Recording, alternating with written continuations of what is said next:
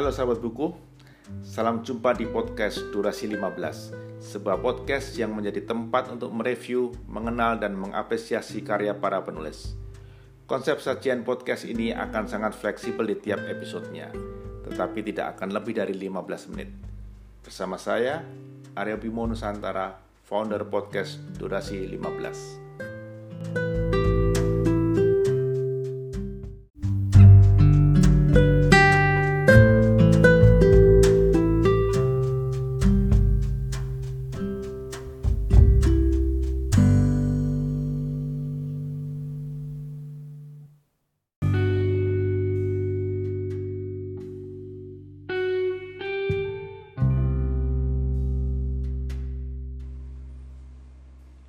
Dalam episode perdana ini, kita akan mengawali dengan buku terbaru dari seorang penyair asal kota Yogyakarta, Joko Pinurbo, atau yang akrab disapa dengan Mas Jokpin. Buku ini masih grass, masih benar-benar baru karena ditulis, disiapkan sepanjang masa hashtag di rumah saja atau semasa pandemi tahun lalu. Bahkan bukan hanya satu, Jokpin berhasil menyelesaikan dua buku sekaligus. Ya, kedua buku itu disiapkan berbarengan pada masa yang sama, terbit bareng di dua penerbit yang berbeda, serta sukses semua dalam waktu kurang dari setahun. Penasaran dengan puisi-puisi terbarunya? Yuk kita intip buku puisinya yang berjudul Sepotong Hati di Angkringan. Diterbitkan oleh penerbit Diva Press Yogyakarta.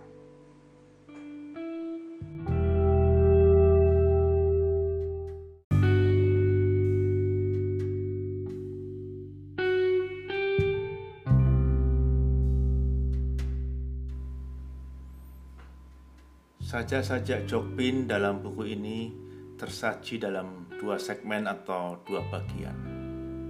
Segmen pertama seolah memberi ruang kangen bagi mereka yang pernah hidup di Jogja.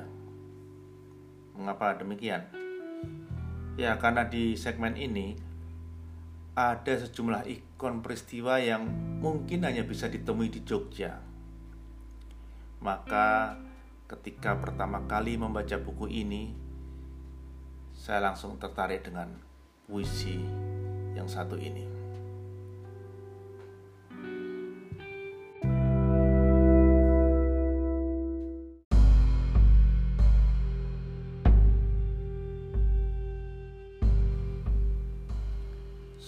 Band dini hari. Dengan apa kau merindukan Yogyakarta? Dengan suara drum band yang muncul dini hari. Yang dimainkan entah oleh siapa, yang tak jelas di mana. Yang bila aku ke barat, ia di timur. Bila aku di selatan, ia di utara yang aku datangi dan aku cari, tapi tak ada. Seperti perasaan yang tak memerlukan bukti, seperti cinta yang tak mau ditangkap dan dimiliki.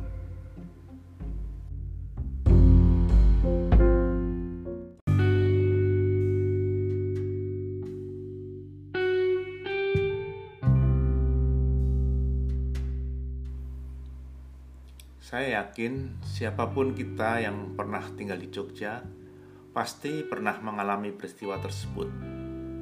Ketika dingin udara pagi masih menggigit, sayup-sayup telinga kita menangkap suara trumben itu. Atau setidaknya inilah yang pernah saya alami. Sehingga puisi sederhana ini mampu membangunkan kembali kenangan masa kecil saya yang setiap kali mendengar suara trumben tersebut saya lalu membayangkan diri saya menjadi seorang tentara. Karena konon cerita, Turben itu dimainkan oleh para taruna Angkatan Udara di Lanut Adi Sucipto. Di sisi lain, sengaja saya tidak mengucapkan kata drum band, tetapi drum band, D R U M B E N, sebagaimana ditulis oleh penyairnya. Mungkin orang Jogja sejak dulu selalu melafalkannya demikian, entah benar atau tidak. Suatu saat pasti akan saya tanyakan kepada Mas Jokpin bila bertemu dengannya.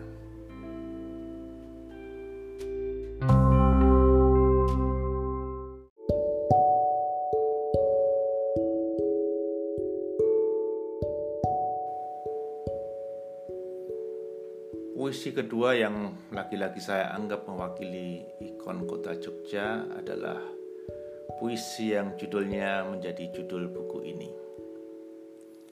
Sepotong hati di angkringan.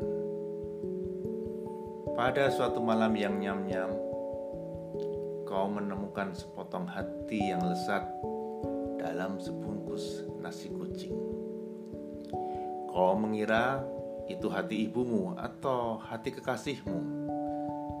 Namun, saja itu hati orang yang pernah kau sakiti atau menyakitimu.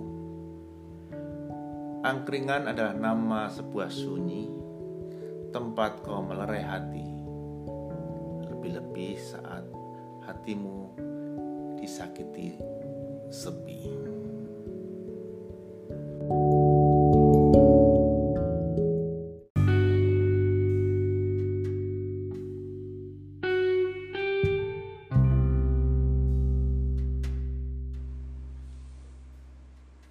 Apa yang menarik di sini?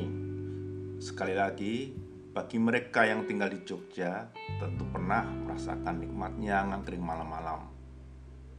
Dengan sajian teh naskitel atau panas lagi kental, kopi, atau barangkali minuman lainnya, ditemani jajanan sederhana serta nasi kucing.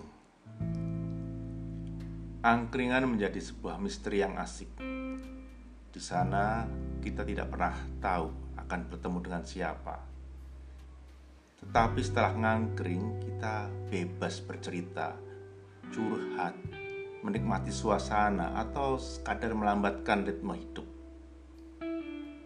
Ketika kita suntuk di rumah, di kosan atau di kontrakan, atau barangkali jenuh dengan berbagai rutinitas, maka menyambangi angkringan adalah sebuah peristiwa pembebasan bagi jiwa kita. Ya, saja ini menjadi semacam ruh dari pengalaman itu, bahkan dengan genial Jokbin melakukan twist, membebaskan angkringan bukan lagi sekadar nama yang harus berasosiasi dengan gerobak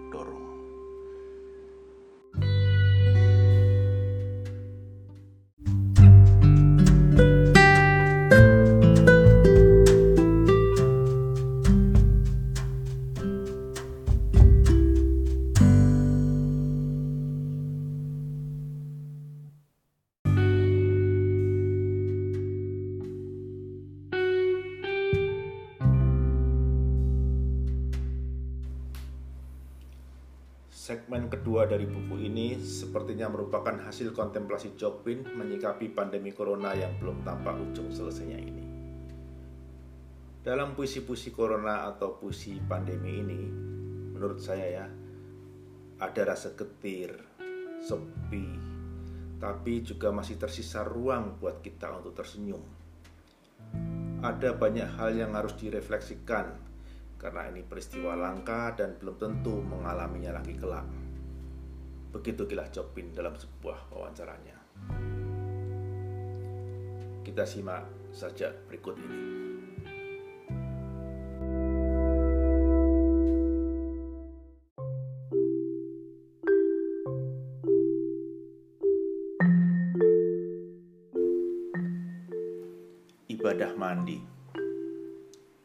Pandemi membuat saya lebih dewasa, setidaknya dalam hal mandi.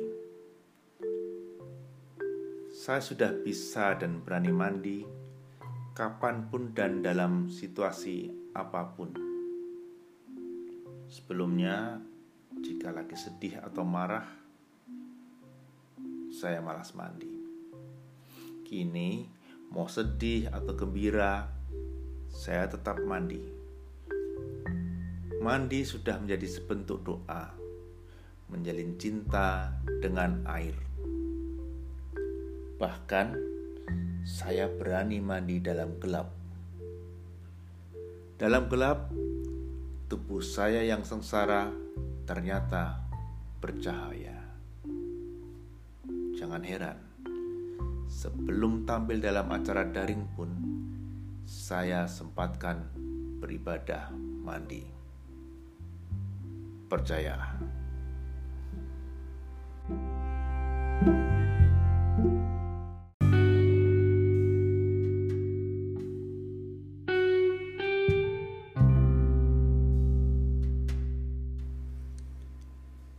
Ciri khas Chopin dalam berpuisi adalah selalu memakai kata-kata yang sederhana yang sehari-hari kita gunakan. Tetapi setelah menjadi sebuah sajak, sebuah puisi, maknanya bisa menjadi sangat dalam dan mengena. Topiknya pun bisa dibilang sederhana dan tidak jauh-jauh dari keseharian kita. Begitu juga dalam sajak Jalan Corona berikut ini, Chopin mengingatkan kita bahwa pernah ada yang namanya tahun 2020. Sebuah masa yang sepertinya terbuang begitu saja dan terasa hanya kita lewati hingga tahun berakhir.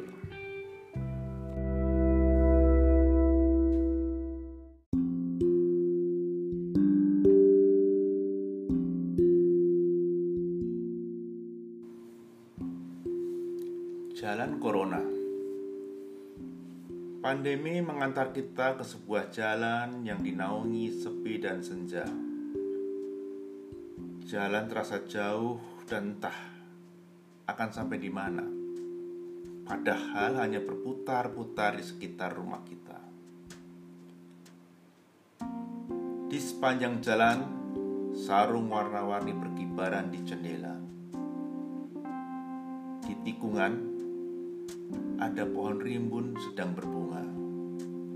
Di ranting-rantingnya, burung perenjak berkicau ria seakan-akan mau bicara.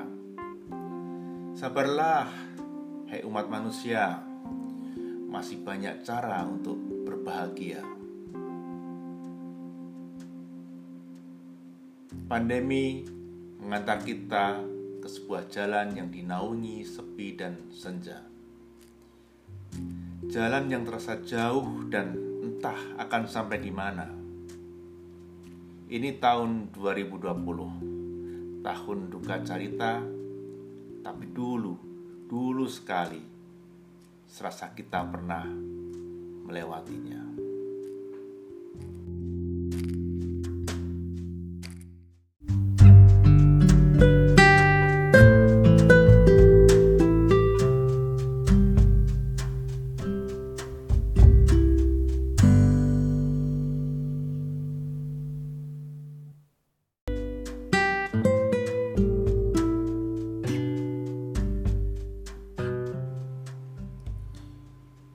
Membaca saja karya Joko Binurbo memang tak cukup hanya sekali ya, apalagi selintas.